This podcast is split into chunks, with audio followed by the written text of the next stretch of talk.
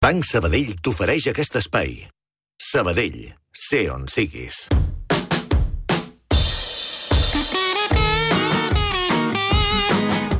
Ramon Solsona, bon dia. Bon dia a tothom. Podem sentir una cosa per introduir-nos? Bona tarda a tothom i benvinguts a l'estadi. Doncs mira, en memòria de Manel Vic, parlo d'una paraula que és molt curiosa. Speaker. Speaker.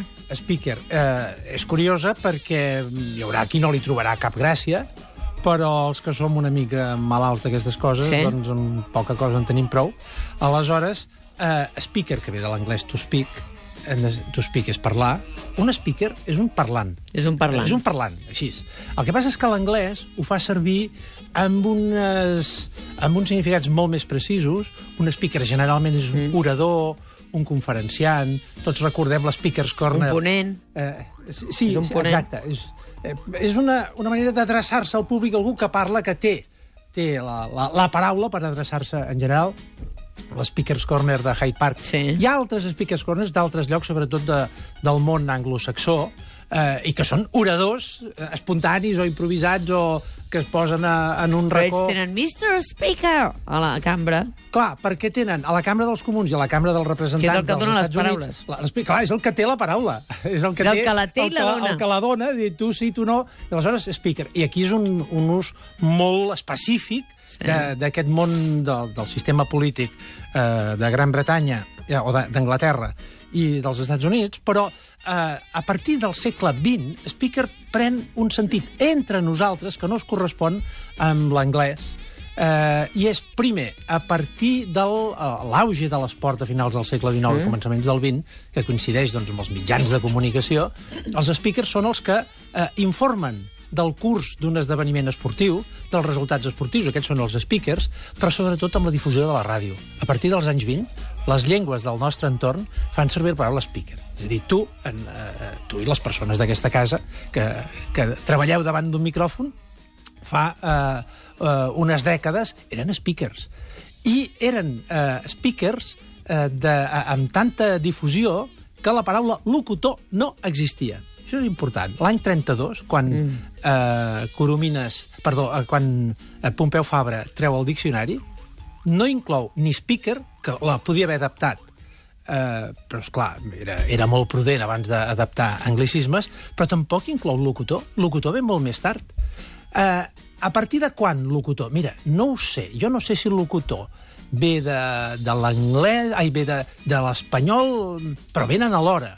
Eh, I no correspon amb l'anglès que és announcer o eh, té altres... Uh, uh, un commentator, per exemple, Sí. però eh, hi ha un moment que eh, locutor eh, es difon. Jo he trobat els documents més antics tant en català com en castellà, l'any 24 en castellà, l'any 20 1900, eh? Sí. 25 en català, per tant, neix alhora, i avui dia locutor doncs, eh, es diu en lloc de speaker. Tot i que, si ara haguéssim de parlar de speaker, a veure, jo no canviaria mai el nom de speaker en el Camp Nou, ni en el camp de la boxa.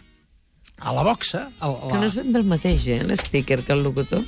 És que no és el mateix. No, és que no és el mateix. dient, per això que dic no que no pot canviar perquè canviaria, no perquè un speaker, segons el context, podria ser eh, un locutor... És algú que té ser autonomia. un animador, locutor llegeix- un presentador... Mira, jo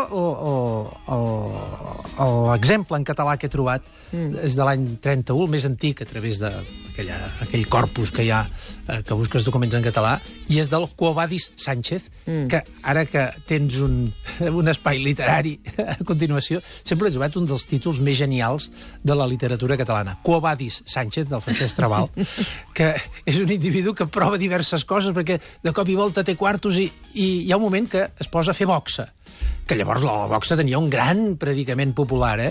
I eh, per al moment de l'speaker, eh? De la... I l'speaker a la boxa és pràcticament un element més de l'esport. I eh, difícilment jo crec que no sempre té una traducció. I acabo amb un ús molt particular que jo crec que també ha anat de baixa, que és el loudspeaker, que és l'altaveu que és l'altaveu. Eh, els altaveus, quan eh, es fa servir la paraula altaveu eh, és que és molt curiós. Jo també depèn del l'espanyol i, i el català van molt junts. Eh, eh, de fet, l'outspeaker és la persona que parla fort, d'una manera eh, atronadora, amb veu molt alta. Eh, L'altoparlante, mm. que es diu en italià o en espanyol de, de Sud-amèrica, a l'Argentina, Flàvia, no sé com ho dieu, Tinc altoparlante. aquí al meu costat a. Flàvia Company, uh, que és, va néixer a l'Argentina, Sí. però fa un munt d'anys que ets aquí. Tots gairebé, sí. Tots gairebé. Uh, I en Ramon Solsona li pregunta a la Flàvia com ho dieu. A l'Argentina com en dieu? Altoparlante, sí. Altoparlante. Però el locutor té la, mate el locutor té la mateixa... mm, Locutor. La mateixa opció que speaker? Tu l'entens? Sí, sí, sí, Sí? aproximadament, eh? Sí, sí, es podrien, es podrien utilitzar com a sinònims. Mm. Doncs eh, és curiós perquè en, en diversos idiomes s'ha traduït d'una manera molt com un cal. El parlante també es diu en alguns llocs de- d'Amèrica, altoparlante, o parleur, sempre és el mateix. Però en canvi aquí es diu alta veu. Alta veu. No sé per què. Molt bé. Però en qualsevol cas, nosaltres continuarem fent de, de speakers amb la modèstia que fa el cas, cinc minutets cada dia. Molt bé, segur que sí. I potser el Carles, el fill del Manel Vic, serà el successor del seu pare. Uh, Això ens deien avui d'esports. Veurem si es confirma. Veurem si es confirma. Home, és una situació realment molt compromesa, eh? No només ser speaker del Camp Nou, sinó ser el successor, Ser el successor de, de Manel Vic, Vic, que sí, això sí sí. que és molt fort. Veurem com acaba. Moltes gràcies, Ramon Solsona. A reveure. Banc Sabadell t'ha ofert aquest espai. Sabadell, sé on siguis.